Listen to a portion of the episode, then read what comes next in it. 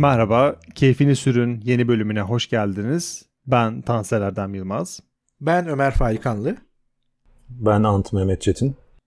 Bir önceki bölümümüzde Japon otomobil kültürünü konuşmuştuk. Öncesinde de ne zaman bu üçlü bir araya gelse ortak paydadan biri Japon otomobilleri. Ant özelinde de Mazda oluyordu. Ne zaman onun bir tespitini görsem içerisine bir yerine Mazda sıkışıyordu. Biz bölümlerimizi yedekleyerek ilerliyoruz. Dinleyenler belki bilmiyordur. Ben 7. bölüm ve bu bölüm arasında bir seyahatteyken e, hiç de planda olmayan bir biçimde aracımı sattım. O esnada da bizim e, podcast grubunu da biraz darlayarak bir Mazda sahibi oldum. Bugün ilk gündem aslında buydu. Yani keyfini sür dinleyicilerinden önce yapımcılarını etkiliyor. Yapımcılarına ilham veriyor. Ee, benim için ilginç bir geçiş oldu. Bugünün ilk gündemini bu yapalım dedik. Hani ufak bir izlenim olarak turbo beslemeli bir motordan o Skyactiv'in ilginç çalışan motoruna e, geçmek biraz uzun sürdü. Bilmeyenler için e, şöyle anlatabilirim belki motorun çalışma prensibini. Motordaki hava benzin oranını sizin gaz tepkilerinize göre motor güncelliyor ve belli zamanlarda daha fazla hava veriyor, daha az benzin veriyor. Benzinleri doğru yerlere püskürtüyor ve çok daha az yakıt tüketmenizi sağlıyor. Gaza bastığınızda da normal bildiğimiz bir atmosferik motor gibi ortalama bir tüketimle ilerliyorsunuz. Böylece aslında ben e, uzun yolda çok çok sakin, çok çok uyuna giderek 5 litreye yakın bir tüketim elde ettim ki bu imkansıza yakın atmosferik bir araçta normal şartlarda. Ee, çok yakışıklı bir otomobil. Yani benim ilgimi çeken ilk şey bu oldu. Park halindeyken görebileceğim bir yerdeyse ara ara bakışıyoruz. Yani sokakta bulunan herhangi bir otomobilden çok daha yakışıklı duruyor. Çok daha e, fiyatının üzerinde ve yılının üzerinde duruyor. Benim en çok ilgimi çeken şey bu oldu. 2000 kilometreden fazla yol yaptım son bir haftada. Keyfim yerinde. Tabii hemen şöyle diyelim hani Japon mühendisliği boşuna demiyoruz ama yakında herhalde adımız çıkacak sürekli Japon övgüsü üzerinden.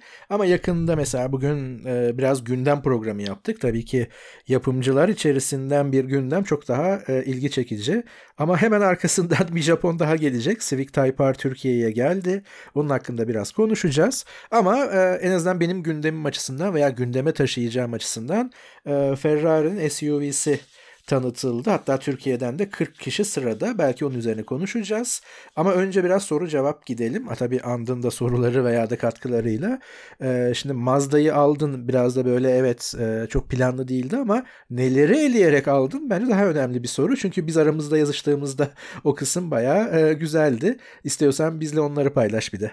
Ya otomobil piyasasında çok ilginç bir dönemdeyiz. Türkiye özelinde.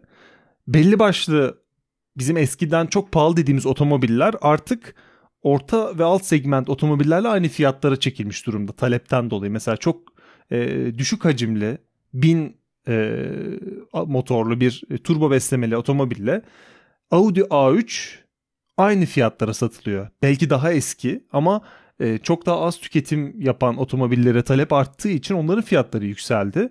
E bunun yanında işte Audi gibi markalar e, çok parçası pahalı zaten ekonomi e, belimizi büküyor diyerek biraz talebi azaldı derken çok ilginç bir benim elimde skala oluştu. En son bunu ben anda yolladığımda Ant senin kafan çok karışmış dedi. Çünkü öyle bir liste ki içerisinde A3 var, 1.16 var, A180 var bakıyorsun bunun, bunun yanında ne alınabilir? Egea çıkıyor falan hani çok garip bir liste var ama onlar arasında e, her zaman başta olan aslında Mazda'ydı. Çünkü e, Mazda ve aslında sonlarda kaldığım bir Seat Leon vardı. Seat Leon'da 1.4 TSI motorluydu. E, ama şöyle bir ayrım noktasına gelince elindeki paraya sağlamlık ve donanım ve özgünlük açısından baktığın zaman Mazda her zaman öne geçiyor. Öyle bir özelliği var. Kimin yanına koyduğundan bağımsız olarak. Tabii kendi segmentinden bahsediyorum. O açıdan e, hani sunduğu oyunlar, sunduğu oyuncaklardan ziyade iki otomobil yan yana koyduğunda aslında e, işte A3 ya da e, Seat Leon, her Seat Ibiza ya da fark etmez o fiyat bandında 2014, 16, 17 yıllar arasında fiyatları bunların birbirine çok yakın. E, performans olarak belki diğerleri daha öne çıkıyor ya da e, satılabilirlik açısından daha çok öne çıkıyor. Ama e, sürenin keyfi açısından ben Mazda'yı her zaman daha önde görüyorum. Bir önceki otomobilimi de buna göre almıştım. O çok daha e, mütevazı, çok daha e, düşük güçler üreten bir otomobildi ama ben ona baktığımda bu benim aracım diyordum. Aslında bu çok e, kıymetli bir şey. E, diğer otomobillerde biraz şey gibi. Ya zaten herkesin aracı. Herkeste olan ve senin kendinde bir şey bulamayacağın. Otomobil tutkun olarak e, içine bindiğinde e, yani herhangi bir sandalyeye oturmak dışında sana farklı bir hissettirmeyecek bir araç gibi geliyordu. Benim kriterlerim buydu. ben perde arkasında bir küçük bir bilgi vereyim. Ee, ben aslında A3 demiştim Erdem'e bunu sorduğu zaman. Mazda 3 ikinci tercihimizdi. Ama A3 olduğu zaman e, sanırım kilometre çok fazla yükseliyordu. O yüzden Mazda'ya gitti Erdem. E, uzun vadede sonsuzluk açısından muhtemelen A3'te nazaran daha e, az can sıkacaktır. Çok daha az can sıkacaktır Mazda 3. Hayırlı olsun tekrar. Burada en çok merak ettiğim şey bundan böyle ne diyeyim bir sene sonra falan inşallah hala aynı arabayı kullanırsan o arabayla alakalı görüşlerini bir sene sonra ben merak ediyorum. Yani benim çünkü hep test ettiğimiz zaman halde iki gün üç gün kalıyordu bizde araba. Ben bir şeyler anlatıyordum. Siz de ona göre araba alıyorsunuz. Ama siz bir sene sonra eğer hala aynı şeyleri söylüyorsanız benim iki günde gördüğüm şeyleri o benim için çok kıymetli. Genelde de öyle oluyor. Dolayısıyla ben bir sene sonra bu konuşmayı tekrar yapmak istiyorum. Haklı mıymışım değil miymişim bilmek isterim. Muhtemelen aslında haklı çıkacaksın. Yani çünkü sen e, Mazda 3'ü inceledikten sonra bir Mazda geleneğini işte bundan 7-8 yıl sonra da incelemiştin MX-5'i. Benzer karakterde, benzer e, üretim hatlarından çıkmış, benzer e, dokuyu taşıyan araçlar aslında bunlar. Benzer heyecanları da yansıtmıştı. O açıdan hani e, birini çok beğenip diğerini beğenmemek, bir yerin birini beğenip e, diğerinden keyif alamamak gibi bir durum da olmayınca ben o şeyi hissettim.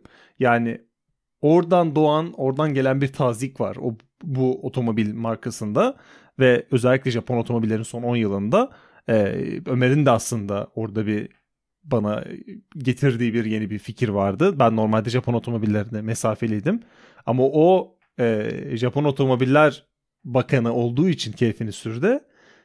Ciddi anlamda onun fikirleri beni etkiledi. Senin de yorumların etkiledi ama A3 gerçekten o ilk tercih olmasını ben anlamıştım ama e, 300 bin kilometre yapmış bir e, TDI motor herkesin gözünü korkutuyor. E, o açıdan çok düşük kilometreleri de zaten 1 milyon liraya yakındı. E, o açıdan mecburen elemiş olduk ama pişman mıyım? Herhalde değilim. Aslında e, benim de önerim A3'tü. yani ama tabii ki işte o şey içerisinde hani o o e, küme içerisinde e, evet tabii ki yani Mazda hep konuştuk Japon otomobillere karşı benim de öyle bir zaafım var. Hani tercih olduğu zaman bir 1-0 öne geçiyor ama sonra skor işte 1-1-2 1-2-2 3-2 gibi gidiyor.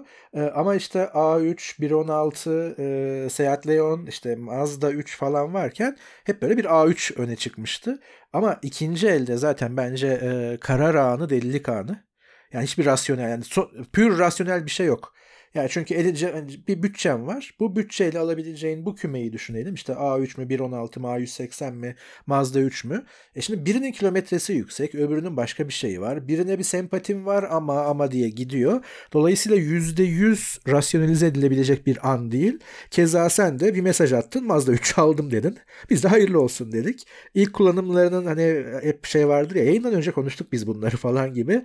Ee, iyi olduğu belli ee, ama bir yıl sonra yani uzun kullanım kullanım test denilen şeyden sonra bir hep beraber umarım aynı araba üzerine konuşabiliriz.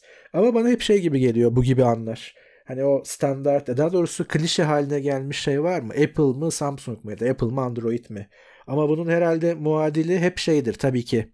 Hayali veya realde işte Mercedes mi BMW mi?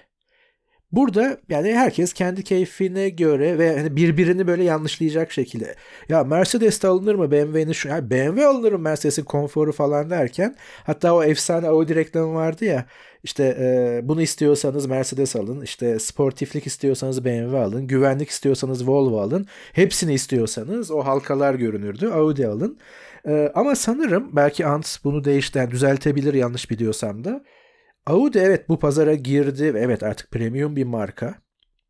Ve hep böyle saygıdeğer bir markaydı ama o yükselişini son yıllarda, son 10 yıllarda yaptı diyelim. Ama o Mercedes mi BMW mi klişesine bir dahil olamadı gibi geliyor. O yüzden orada da işte hani Audi A3 dedik ya biz biraz oy birliğiyle ve sen bizi dinlemedin. Umarım her şey güzel olur. Ee, Audi niye giremiyor bu işlere onu merak ediyorum. Karar anından bahsediyorum. Yoksa marka güvenilirliği vesaire şunlar bunlar değil. İki husus var ya da üç husus var diyelim. Birincisi tamamen alışkanlıklar ve marka geçmişi. Baktığınız zaman BMW Mercedes'in özellikle Mercedes'in çok daha köklü bir geçmişi var ve prestijleri halen Audi'den daha fazla, daha yüksek. İkincisi BMW ve Mercedes büyük oranda arkadan itişli otomobiller yapıyor ve arkadan itişli otomobil demek hep bir daha üst segment göstergesidir. Audi genellikle malum ya önden çekişli arabalar yapıyor ya da dört çeker arabalar yapıyor. Gerçi BMW de son zamanlarda bayağı bir önden çekişliye döndü bu iki serisi, bir serisi vesaire ama İkinci konu bu. Bu önden çekiş hep bir böyle daha alt segment işte biraz daha ucuz otomobillerin göstergesidir, özelliğidir. Üçüncüsü de grup. BMW bir gruba dahil değil. BMW kocaman bir marka. Mercedes de aynı şekilde ama Audi Volkswagen grubunun bir alt markası. Ee, bu değişmediği müddetçe de kolay kolay imajlarını değiştirmeleri kolay gözükmüyor. Mesela atıyorum bir Maserati çok muazzam bir marka değil ama Ferrari grubunun altındaki bir marka. Yani hani ne kadar az otomobil üretseler, ne kadar pek çok açıdan vasat otomobiller üretseler Maserati Maserati. Hani bu bağımsız markaların saatlerde de bu böyledir ya. Bir Swatch grubunun altındaki saat markaları vardır. Bir de tamamen bağımsız İsviçre saatleri vardır. Ee, dolayısıyla o bağımsızlık her zaman bir şey konusudur. Bir prestij konusudur. Ondan dolayı Audi e, ne kadar harikulade otomobiller üretse de bu tartışmasız. Yani bir sürü Audi kullandım. Çok çok iyi otomobiller. Her zaman imaj olarak maalesef biraz maalesef demeyeyim de yani gerçek bu realist konuşacak olursak geriden geliyorlar. Şu da sanırım etkili oluyor. Ben hem testleri takip ettiğimde hem de bir Audi'nin içine bindiğimde bunu hissetmiştim. Mesela 2021 model bir e, en üst pakete yakın denilebilecek bir Audi A3'ün içine bindiğimde aslında çoğu şeyin Polo seviyesinde tutulduğunu görüyorum. Yani Audi işte şöyle bir sıralama yaparsak işte Seat Skoda eşit sonrasında Volkswagen'e geçiyorsun sonrasında Audi'ye geçiyorsun ama e, özellik ve sana sunduğu bakımından seni yine Skoda seviyesine düşürüyor Audi. Yani daha lüks bir araç alıyorsun görece ama sunduğu mesela Passat'la A4'ü kıyasladığında Passat sana çok daha fazla güvenlik donanımı, çok daha fazla otonom sürüş donanımı vesaire sunuyor. O açıdan da sanki e, şeyi sunamıyor. Hani yine benzer motorlar alıyorum. Ya sırf Audi yazıyor diye ben buna 500 bin lira daha vereyim mi gibi bir e, algı da yaratıyor olabilir. Ben işte Audi'lere bindiğimde benzer bir hissi yaşıyorum. Hani şey de oturmuyor. Lükslük ve e, sunduğu konfor da bir son yıllarda oturmuyor. Evet ama tabii ki Mazda'ya kaybetmiş olması Japonlara artı bir. Evet yani ben şeye kıyaslayarak aldım açıkçası. Ailede bulunan A3'e kıyaslayarak aldım. İşte sunroofundan tut her şeyi var ama koltuk ısıtması yok. Ya da belli başlı ufak tefek şeyleri yok o aracın.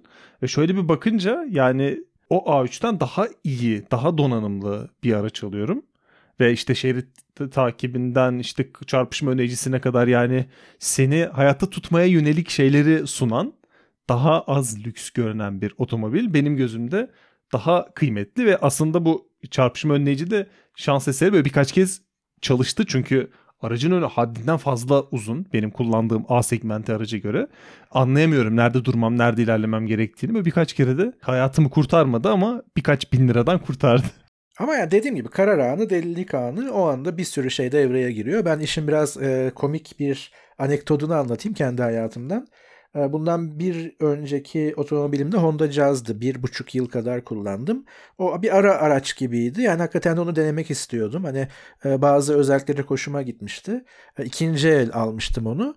E, bulabildiğim işte malum sayfalardan Ankara dışından bir yerdeydi. İşte birisi bir aracılık edecek. Gidecek aracı inceleyecek. Benim vaktim yoktu. Gidemeyecektim ben. İşte orada alacak, gelecek. Burada işlemler yapılacak falan. Hani dedik ya bu kadar uğraşmaya gerek yok. Bak benim elimin altında altında bir Hyundai i20 var. Onu bu sana bugün verelim dedi. Şu kadar fiyat daha önce ağzından falan diye. Ama o kadar benim için böyle kategori dışı bir araçtı ki ama şimdi orada şey de diyemedim. Adam benim işimi yapacak. Ya onunla onu kıyaslama ben onu düşünmüyorum falan. İlk sorduğum şeydi çünkü Honda Jazz'da olduğunu görmüştüm. Koltuk ısıtma var mı onda dedim. Ki başka hiçbir şey sormadım. Ha yok onlar bu donanımda yok dedi. Ya yok ben öyle şeyler istiyorum dedim. Yani görünen Honda Jazz seçimim o adamın gözünde koltuk ısıtması olmasıydı. Hani şey mabadına önem vermeyip bir şey önem vermez prensibi gereği. Hani o yüzden karar anı hakikaten bir şeydir yani. Sen o anda Mazda'yı seçtiren her neyse o an için o doğru. Ve bence orta ve uzun vadede doğru olacak. E, hele Türkiye şartlarında biraz önce söylediğim şey yayında tekrarlayayım. E, asla daha az fiyattan elinden çıkarmayacaksın. Seni çok çok mutsuz etmeyecek. Belki ihtiyaçların değişecek. Belki otomobil zevkin değişecek. Yani pek çok şeye bağlı olarak değiştirmek veya satmak isteyebilirsin. Ama bu senin zararına bir satış olmayacak mevcut koşullarda. Bu bile insan için çok rahatlatan bir karar anı durumu veya kriteri. Evet, Mazda sponsorluğundaki Keyfini Sürün 7. bölümünde sıradaki konumuz olan Taypar'a geçiyoruz. Buradan da e, seslenmiş olalım. Sponsor olmak isterlerse. E, şartımız eleştiri hakkımızın baki tutulması. E, zaten buradan sonrası dinlemeyecekler. Collecting Cars var ya bu İngiltere'deki Chris Harris'in başında olduğu podcast. Oradaki herkes tabii Porsche fanı. Dolayısıyla sürekli her bölümde mutlaka bir pozitif Porsche muhabbeti geçiyor Chris Harris her seferinde. Evet. Porsche sponsorluğundaki Collecting Cars'ın bilmem nesi bilmem nesi diye. Ama onlar o kadar büyük ki gerçekten Porsche sponsoru da olmuş da, da düşündürebilir. O olabilir ama muhtemelen değil. Çünkü biliyorsun ki zaten gerçek hayatta hepsi seviyor, beğeniyor. Arabalar da güzel. Ki güzel bir parantez açtık burada. Bundan sonraki bölümlerden bir tanesi Porsche olacak. Yani Porsche gerçekten o kadar iyi mi değil mi bunu konuşmamız lazım. Öyle bir teaser da vermiş oldum. E, hatta şöyle bir şey yapalım mı? E, Erdem'in baktığı arabalardan biri Porsche'ydi ama o Mazda aldı. Erdem köyün delisi gibi bir şey. Porsche'de bakıyor, Mazda'da bakıyor. Diğer iki aracım da zaten Anadolu Anadolu böcek modeline bakmıştı. e zaten BMW'yi gömdük. O şey dışıydı, kategori dışıydı. M5'i o yüzden almadın. Yeni M5'i. Ya ke- keşke öyle bir dünya olsa ama tabii şey güzel. Ee, özellikle Türkiye Türkiye'de Türkçe yayın yapan YouTube kanallarında teknoloji özelinde ya biraz böyle Apple'ı gösterse e o tabii Apple'dan bende para yatmış ki Apple böyle bir sponsorluk asla yapmıyor. Ee, benzer otomobil kanallarında da hiçbir otomobili yani orada şüpheleniyorsun zaten de hiç kötü bir şey olmayan şey tanıtım olduğu zaman ya yani ya bir sponsorluk var ya tekrar araba gelmesi için bazı şeyler yapılıyor falan deniyor. Biz o konuda ne kadar samimi olduğumuz zaten Mazda 3 seçimi, e, Mazda hakkında konuşma, Japon otomobilleri oradan çok belli ki hiçbiriyle bir bağlantımız yok. Özel zevklerimiz hariç. Ama olursa hayır demeyiz. Derler ya paranı sözünü koyduğun yere koy diyor İngilizce'de böyle bir hani tabir vardır ya bilmiyorum Türkçe'de karşılığı var mı? Bizim yaptığımız o yani. Bundan iki bölüm önce Mazda'yı övüyorduk. Şimdi de Mazda aldık. Bu kadar basit. ya da zaten nasıl bir reklam yapılabilir? Ya biz alıyoruz. Ben çocuğuma yedirmediğim hiçbir otomobili size önermem gibi esnaf lafıyla Taypar'a geçelim diyorum. Erdem'in e, alsam mı deyip tekrar mağazada karar kıldığı Taypar'a bakalım. Türkiye'ye yeni geldi.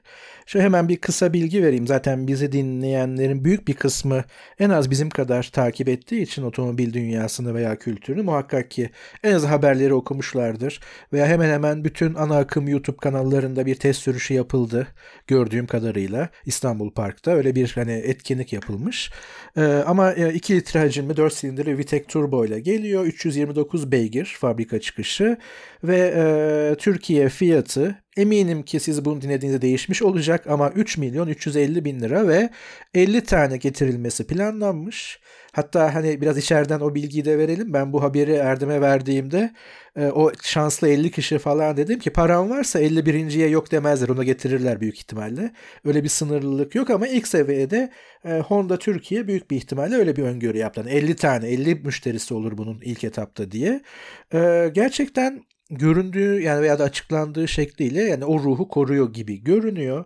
Yani müthiş bir nasıl söyleyelim hani o mühendislik bir performans mühendisliği otomobili zaten. Müthiş bir keyif. Ee, Honda ailesinde Type R çok başka bir yere oturuyor ve yeni versiyonunun bu kadar e, çabuk Türkiye'ye gelmesi veya da yeni versiyonunun bu kadar çabuk kendini göstermesinin iyi ve kötü bir tarafı var. Çünkü bu belki de son, ya tabii bilmiyoruz Honda'nın politikası nedir ama bizim hep baştan beri ilk bölümümüzden beri hep konuştuğumuz direkt konu edindiğimiz veya değindiğimiz mesele e, bu tarz otomobillerin yavaş yavaş sonunda geliyor olabilir. Çünkü artık hibrit elektrikli Type R'lar falan görmeye başlarsak artık o DNA bozulmuş olacak. O yüzden ufak bir kaygıyla belki de gördüğümüz son Type R Type R olabilir. Öyle bir nostaljik daha doğrusu geriye bakıp son bu mu acaba ya buraya kadar mıydı dedirten bir otomobil. Ben ilk gördüğümde hissettiğim şey buydu. Type R'ın ne kadar harikulade bir e, araba olduğunu özellikle son neslin o onu konuşuruz zaten de bu tabii fiyat mevzusu bunun yani ne olacağını, bu arabaların ne kadara satılacağını ve malum sitelere kaç ne fiyatlardan düşeceğinin bir ön izlemesini, ön gösterimini biz Hyundai i20N'le sanırım yaşadık. Onda belli bir kotayla üretilmişti. Benzer klasmanlarda. O da bir B segmenti hatch. 600, 620, 650 bin lira öyle bir şeyden piyasaya çıkıp bayilerin çok yakınlarındaki, yakın sosyal çevrelerindeki insanlara dağıtılıp ondan çok geçmeden 700, 800, 900 bin liraya ikinci el sitelerine maalesef düşmüştü. Bunda da herhalde öyle bir durum olacak. Yani ben hani birkaç kişi belki şanslı kişi gerçekten 3 milyon 350 bin liraya vesaire alabilir o arabayı da bu arabaların kara borsaya düşmesi tabiri caizse hakikaten üzücü. Type R gerçekten çok iyi. Çok çok iyi. Son nesli Nirvana.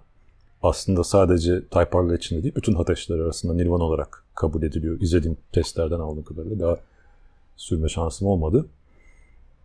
Fakat en nihayetinde hep o geleneksel Type itici kılan bir kesme, bir kesme itici kılan bir takım özellikler vardı. Bunların da başında o çok aşırı sivri, hmm, biraz böyle manga çizgi romanlarından fırlamış tasarım geliyordu.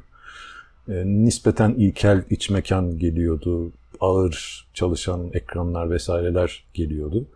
Elektronik açıdan otomobilin geri kalmışlığı geliyordu. Bunların hepsi çözüldü. Son derece Avrupa'yı ve hemen herkesin tarafından rahatlıkla kabul görecek bir tasarım. E, nefis bir iç mekan. Bu sefer gerçekten nefis bir iç mekan. Bu kasa Civic'in özelliği zaten. Ve onun ötesinde e, sürüş dinamikleri iyice geliştirilmiş. E, muhteşem bir şanzıman. Motor olarak e, iyi bir motor ama hiçbir zaman o eski işte 2000'lerin sonundaki şu anda kasa kodunu unuttum. 2 ee, litre atmosferik işte 200 beygir. Ondan sonra Mügenlerle falan 240 beygire kadar çıkmıştı galiba. Ee, o motor gibi hiçbir zaman olmayacak. Ama tabii ki çok çok daha hızlı bir motordan söz ediyoruz. Çok daha aşırı bir performans üretiminden söz ediyoruz. Hmm, ama motor haricinde e, gerçekten her açıdan herhalde gelmiş geçmiş en iyi ateşten söz ediyoruz.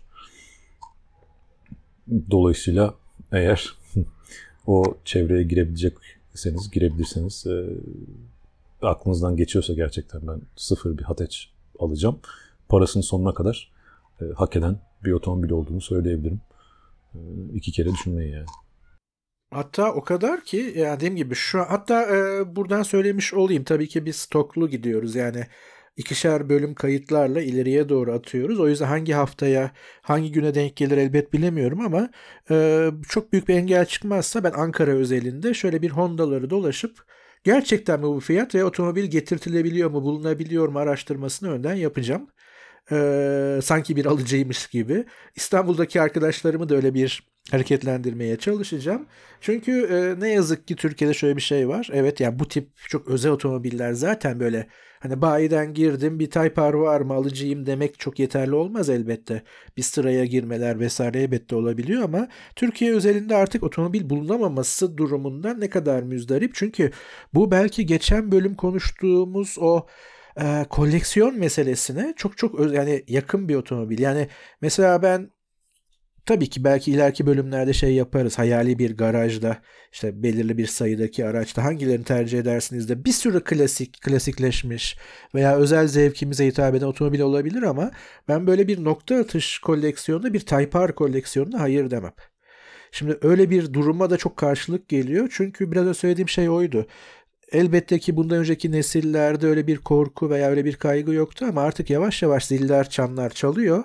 Yani bu gerçek bir Type-R'ın son versiyonu olabilir ve hakikaten zirve noktası olabilir. Ve bunun maddi olmaktan öte e, koleksiyon değeri çok çok o yüzden yüksek olacaktır. Tabii ki bizim kitlemiz şu anda henüz kimseye tanışmadık. Orada hayali dinleyicilerimize konuşuyoruz veya biz aramızda konuşuyoruz. Ama kesinlikle yani 3 milyon 350 sakın bunu bir şımarıklık gibi düşünmeyin. Bu fiyatta bir Type-R'ı sıfır alabiliyorsanız ve aklınızda böyle bir şey varsa ve size hitap ettiğini düşünüyorsanız bulduğunuz yerde alın. Son bir bu arada parantez açayım. Demin hani Type-R'ı geleneksel olarak bir takım kullanıcılardan, potansiyel müşterilerden itici kılan, uzak tutan özellikler dedik. Bir tanesi tasarımda o çok köşeli, çok sivri, abartılı tasarım. İkincisi nispeten ilkel mekan dedik. Bir de konfor. Type R'lar geleneksel olarak hep çok sert otomobillerdi. Ama son iki nesildir muhteşem süspansiyonlara sahip. Ki bundan önceki Type R'ı yan koltuğunda e, çok tempolu bir sürüşte eşlik etme fırsatım oldu. E, ne kadar derin, ne kadar gaddar çukurlara girip ne kadar umarsızca o çukurlardan geçtiğini bir kere gördükten sonra diyorsunuz ki yani bu arabanın süspansiyonları çok pahalı.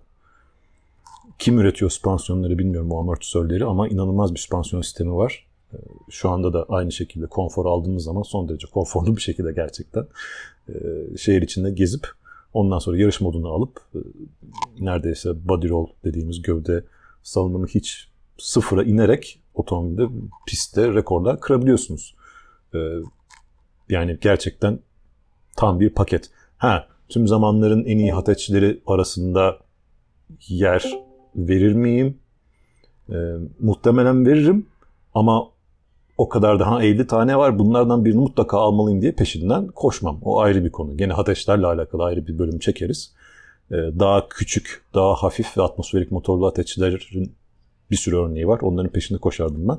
Ama yine sıfır almak istiyorsa kişi ve bir ateş bakıyorsa kesinlikle ilk sıralardan olacaktır araba. Type-R'ın şöyle bir ekstrası var. Biz e, Honda S2000, MX-5 bunları konuştuk ve bunların alternatifleri de e, ortaya çıkabilir, sayılabilir. Bunların hepsinde belli başlı eksiler var ve bu eksiler aslında e, burada işte 3 mil, 3,5 milyon olanlar diye biz konuşuyoruz ve aslında şey gibi çok küçük ve boşa yakın bir klasörden bahsettiğimizi biliyoruz. Bu aslında bizi şuna itiyor. Alacağın otomobilin aslında hem konforlu hem gerektiğinde 4 kişi 5 kişi de binebileceğin ya da 4 kişi konforla binebileceğin gerektiğinde yaptığın büyük alışverişleri de taşıyabileceğin bir hayali otomobil olabilme olasılığını da düşündürüyor. Aslında Type R ve i20N, i20N biraz daha üniversite sonrasında hevesli insanların e, yaklaştığı şeyler genelde böyle 20 20 27 yaş arasının çok sevdiği otomobillerden. O da benzer bir şeyi karşılıyor. E, mesela MX-5 ve Honda S2000 ile yapamayacağın çoğu şeyi örneğin 3 kişi seyahat etmek ya da 2 kişi konforlu bir uzun yolculuğa çıkabilmek Type R'la yapabiliyorsun ve senin o dediğin çukurlardan geçebiliyor olması bu otomobilin aslında e, biraz da şey gibi beni rahatsız eden bir özellik. Yani çok hızlı, çok e, işte belli pistlerde atıyorum Nürburgring'e girdiğinde iyi süre yapabilecek bir otomobilin aynı zamanda bir e, C serisi gibi konforlu bir biçimde otoyolda gidebiliyor olması aslında şeyi bozuyor. Benim zihnimdeki algoritmayı bozuyor. İkisini de aynı anda yapabilmesi aslında bir hack gibi geliyor. Ya zaten oradaki mesele e, MX-5'e dediğimiz yani ikinci araba çok rahat olur düşünülür derken Type R ikinci arabayı oynamıyor yani. Birinci araba çok rahatlıkla olur. Ama tabii ki yani e, yine onu ona bir bakışla ihtiyaç var. Yani bir araba alacağım ne alsam deyince çoğu insanın bu fiyat bu parası olsa bile Type R çok aklına gelmez. Çünkü o aynı fiyatlarda hatta daha düşük fiyatlarda aklını çelebilecek ve kendi ihtiyaçlarına veya zevklerine o kadar çok seçenek giriyor ki ama işte o biraz otomobil kullanma keyfiyle beraber biraz da bu işleri biliyorsan e, Type çok üst, üst seviyeden üst listeye girer, üst sıradan listeye girer ve tek arabam olsun Type olsun şu anda diyebiliyorsun. Aldın dediği gibi son 2-3 nesildir özellikle e, böyle bir yere oynadı ve bunu kazandı. O yüzden saygı duyulası bir mühendislik harikası benim için öyle. O halde üçüncü gündemimiz özellikle Ömer'in söylemesinden sonra benim gündemime girmişti. Bir birkaç yıldır gördüğüm bir gündem bu aslında. Ferrari'nin SUV modeli. Benim gördüğüm bahsettiğim model Purosange diye okuyorum. Ben nedense bunu farklı bir dilde, farklı bir dilin aksanıymış gibi okudum ama İtalyanca'da safkan anlamına gelen bir model. Ee, çok iddialı bir model ama çoktandır konuşulan bir model aslında bu. Çoktandır e, adı geçen, çoktandır tartışılan bir model. İlginç bir biçimde Ferrari'nin yabancı basında çok fazla anılan testlere yanaşmıyor oluşunun aksine e, testlere sokulan, incelemelere sokulan bir otomobile evrilmiş olması, SUV'ye evrilmiş olması. Yani e, genel olarak vaatlerini karşılayamayan bir marka olarak otomobil gazeteciliğinde nam salmış Ferrari için aslında farklı bir sayfa gibi görünüyor ama e, aslında bu modele ve Ferrari'nin geleneksel duruşuna biraz uzağım. O yüzden böyle bir giriş yapıp e, sizin fikirlerinizi almayı çok isterim. Ya şöyle bir silsile benim çok dikkatimi çekiyor. Ee, böyle süper spor üreten ve bununla özdeşleşmiş markalar işte Porsche ilk bunu yaptığında, SUV'yi ürettiğinde veya ürün gamına kattığında hiç ummadığımız bir yerden, en azından benim beklemediğim bir yerden Lamborghini'den bir tepki geldi. Urus'u üretti. işte üretilmiş en hızlı SUV falan filan diye. Ee, ve Ferrari'nin buna tepki veriyor olması ve bu segmente giriyor olması. Yani 4 kapı 4 koltuk 725 beygir önden motor bir Ferrari'den bahsediyoruz. Ee, ve hani buradaki mesele şu Fer yani Lamborghini de aynı şey var bana sorarsanız. Ama Lamborghini Urus'u ürettiği zaman ben böyle çok hani tüylerim şey olmadı, diken diken olmadı. Olumlu anlamda kullanmıyorum. Hani evet e, bir deneme dedim. Hani Lamborghini buraya yani çünkü Lamborghini'nin o hani atak tasarımları neden bir SUV'de denemesin? Ama Ferrari başka bir yere oturuyordu benim zihnimde ve Ferrari bunu yaptığı zaman e, hep aklıma gelen soru yinelendi Ferrari ile ilgili. Ferrari genetiğini bunu aktarabildi mi yoksa tamamen kaybetmek üzere olduğu ve hiç giremeyeceği eğer biraz daha beklerse bir segmente girme ihtiyacıyla yani tamamen bir şirket politikası, bir otomobil politikası değil de böyle bir şeyle hareket ettiler sorusu. Elbette ki içeriden tanıdığımız yoksa veya Enzo Ferrari'yi çağırma şansımız yoksa çeşitli metafizik yöntemlerle bunu çok e, bilemeyeceğiz, öğrenemeyeceğiz belki. Ama e, acaba SUV'de neden bir Ferrari olmasın naifliği mi? Bizler için geçerli olmalı veya böyle düşünmeliyiz. Yoksa sen de mi be Ferrari deyip başka bir yere mi koymalıyız ki? Demin biz Type R'dan bahsettik. Yani bu artık çok üst segmentte. Hani almak istiyorsanız falan biraz zor deriz biz. Ama hemen şunu da söyleyeyim. Türkiye'den 40 kişi sıraya girmiş bile. Biz Ferrari'nin SUV üretmesini eleştiriyoruz veya yatsıyoruz. Aslında Ferrari'nin kendi içindeki çelişkileri ve mücadeleleri ve hani çelişkileri onu söyledim zaten. Yani bunu görmek açısından aslında Ferrari'nin üst yönetiminde yapılan son 6-7 senedeki açıklamalara şöyle bir göz atmak yeterli. Şimdi notlarımdan bakıyorum. 2016'da Fiat CEO'su Sergio Marchionne diyor ki biz asla SUV Ferrari için konuşuyor. Biz asla SUV üretmeyeceğiz.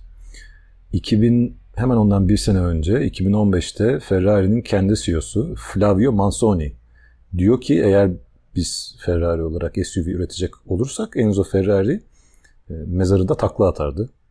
E, asla böyle bir şey yapmayacağız.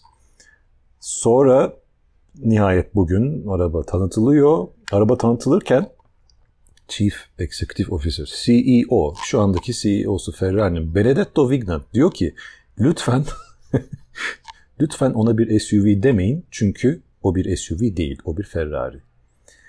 Yani markanın kendi içerisinde zaten kabullenemiyorlar bunu. Yani bunu yapmamamız gerekiyordu. Hani herkes damarlarında akan kanın sesi olsa herkes diyor ki biz bunu yapmamalıyız ama işte ekonomik koşullar onlara bunu yaptırttı. Aslında kimse bunu tasdik etmiyor yani. Kimse bunu onaylamıyor. Zannetmiyorum ki e, sadece o en başta sözünü ettiğimiz CEO muhtemelen Sergio Marchionne ki çok akıllı bir adamdır. E, onun onayın olmadan zaten bu gerçekleşmezdi. Fakat Ömer'in az önce söylediği çok doğru. E, tren kaçıyor ve e, Rolls Royce'undan tut da Porsche'si zaten bütün payı Porsche e, aldı. en güzel parayı herhalde bu SUV, lüks SUV'lerde Porsche kaldırdı. Onun dışında herkes e, bu pastanın payını kapıyor. Geç fazla geç olmadan bu SUV e, modası da kalkıp işte yerini bambaşka bir otomobil türüne bırakmadan hadi biz de bir tane yapalım diyerek yaptılar. Kaçınılmazdı, ekonomik olarak kaçınılmazdı. Daha erken girmemiş olması Ferrari'nin tamamen gurur meselesi. E, ama sonunda yenik düştüler. Yani, e, benim bu otomobille ilgili eminim çok keyiflidir. Birkaç incelemesini de izledim. Gayet güzel, gayet güzel, gayet iyi bir otomobil olduğunu söylüyorlar. O son derece işte keyifli olduğunu söylüyorlar. Diğer SUV'ye nazaran çok daha fazla e, binek spor otomobili gibi hissettirdiğini vesaire vesaire söylüyorlar. Benim umurumda değil. Yani almayı düşüneceğim bir araba da değil. Param ne kadar olursa olsun. Fakat bir konuda onları çok takdir ettim. O da motor. O arabaya rahatlıkla bir o meşhur diğer çoğu modellerinde kullandıkları V8 turboyu atabilirlerdi ama atmadılar. Eminim birileri dedi ki ulan biz bunu yapıyoruz. Yapmamamız gereken bir şey yapıyoruz. Bari motoru Ferrari olsun bu arabanın. Atmosferik işte 812 Superfast vesairede kullandıkları atmosferik V12'yi koydular bu arabaya ki bu arabanın bence en çekici tarafı bu. Şu anda bu segmentte atmosferik hani V12'yi bırakın atmosferik motorlu bildiğim kadarıyla başka bir SUV satılmıyor şu anda. Hani lüks SUV'ler arasında. Porsche'nin yok. Hepsi turboya geçti. Rolls Royce'un falan zaten yok. Aston Martin'in bunlar yok ya yani bunlar hepsi e, turbo artık. Yani ki bütün zamanların kategorizel olarak bütün zamanların en iyi motorları arasında herhalde bir numaradır Ferrari'nin ve 12'leri. Dolayısıyla yani e, en büyük özelliği, en büyük artısı bence bu. Motoru bu arabanın. Ha, muhtemelen önümüzdeki sene ya da iki sene sonra V8'ini çıkartacaklardır. Ama kaçınılmazdı. Yapacak bir şey yok yani kabul edeceğiz biz de. Ama lansman bakımından belki yani bir marka e, şeyini korumak için ben de ProSenk diye okuyorum. ProSenk diyelim yani İtalyanca'ya. İşte Pure Blood yani safkan demesinin en önemli sebebi tabii ki yani aslında andığın dediği yani o bir Ferrari baskısı. Ee, ama bunun ötesinde bunu bir ironi olmaktan ve belki de insanları bıyık altı güldürmekten geri tutacak en önemli şey aslında motor işte. Yani Pure Blood o saf kanlılık bir Ferrari olma meselesi orada zaten kendini gösteriyor. Ee, belki çok yakın bir zamanda hatta herhangi bir zamanda ulaşıp e, kullanabileceğimiz bir araba olmayacak elbette. Ama e, yani macerasını takip edeceğiz. Çok yakın bir zamanda unutulan bir e, veya unutulmak istenen Ferrari tarafından bir şey mi olacak? Yoksa e, Porsche ilk yaptığı zaman siz ne yapıyorsunuz diyenler Urus'a kadar gitti o iş. Ferrari'de bunun bir parçası mı olacak? Onu hep beraber göreceğiz. Bizi ilgilendiren de bu kısım galiba. Aynen. Mesela Urus'un muadili gibi gözükse de bence kesinlikle değil. Zaten genel olarak Lamborghini bence bir marka olarak Ferrari'nin muadili kesinlikle değil. Chris Harris'in meşhur bir sözü vardır. Lamborghini'nin Ferrari ile denk tutulması ve karşılaştırılıyor olması Lamborghini'nin müthiş bir pazarlama başarısıdır. Aslında kesinlikle aynı noktada hizada değiller bu ikisi. Neyse o ayrı bir konu. Fakat Urus dediğiniz şey esasında bir Q8. Yani abuk subuk böyle gene çizgi romanlardan fırlamış tasarıma sahip bir Q8 başka bir şey değil. E, dolayısıyla ikisinin arasında kalacak olursak işi yani hiç e, iki kere düşünmeden gözünü kırpmadan Ferrari seçmeli. E, en başındaki de tabii bu motor geliyor. Yani motor çok özel. Motor Ferrari'de gerçekten çok güzel. Hmm, ama Urus'un muadili değil. Yani ben bu arabanın karşılaşacak bir şey yok esasına bakarsanız. Hani Rolls Royce'un şu anda ismini unuttum bir tane SUV'si var. Ama çok daha ağır başlı ve çok daha her anlamda ağır. hem sadece ağır değil hem de ağır başlı. E, ve tarz olarak çok başka bir otomobilden söz ediyoruz. Dolayısıyla bu arabanın aslında muadili yok. Yani ben nihai spor, süper spor SUV almak istiyorum diyorsanız. Yani Urus en son bir tane performantesini falan çıkardılar galiba. Böyle garip bir takım işte karbon ya da karbon görünümlü kaputu falan var böyle ucube bir şey yaptılar. Ne yaparlarsa yapsınlar yanına bile yaklaşamazlar. Ben Ferrari fanı değilim. Yani çoğu insandan daha az e, hoşuma gider Ferrari ama e, kesinlikle aynı hizada değil bu iki, araba. Zaten Urus'u inceleyince de şeyi görüyorsun. Bir şeye benziyor ama bir şeyin ham haline benziyor. Yani ben otomobil işinin ustası değilim ama 31 milyon Türk lirasına verdiğim şeyin daha özenli görünmesini isterim. Bu arada az önce fiyatına bakıyordum. 30 32 milyon lira civarı Türkiye'de şu an. Şey diye söyleyecektim hani Ferrari'nin bu modeli yerine biraz daha bütçe dostu mu acaba diye Lamborghini'yi önermeyi hazırlanıyordum. O da değilmiş. Hani belki Ferrari çok daha büyük fiyatları gelecektir ve muhtemelen bizim bu konuştuğumuz fiyatlar bunları alacak insanlar için aslında e, bir sonraki yılın gelir vergisinden düşürecek 100-150 milyon liranın küçük bir parçası olacak ve sadece biz bunu düşüneceğiz ama e, yine de bence Rus parasının karşılığını veren bir otomobil gibi de durmuyor. İncelemelerini izlememiş ve daha öncesinde e, bu otomobil hakkında çok e, büyük fikirler yürütmemiş olmama dikkate alınız. O zaman kapatmadan ben bugünün özetini şöyle bir dinleyicilerimizle paylaşayım. Audi Mazda'ya kaybetti ve Türkiye tarihinde ilk kez Lamborghini'ye bütçe dostu mu diye bakıldı. Bu da bize özel olsun. Bence çok güzel oldu. İlginç bir bölüm oldu. Önümüzdeki hafta yine otomobil tutkusuyla konuşacağız. Ve en iyi otomobil tasarımlarına dair, hatta otomobil tasarımına dair konuşacağız. Her hafta haftanın son iş gününde Cuma günü otomobil konuşuyoruz. Bir sonraki bölümde görüşmek üzere. Görüşmek üzere. Hoşçakalın.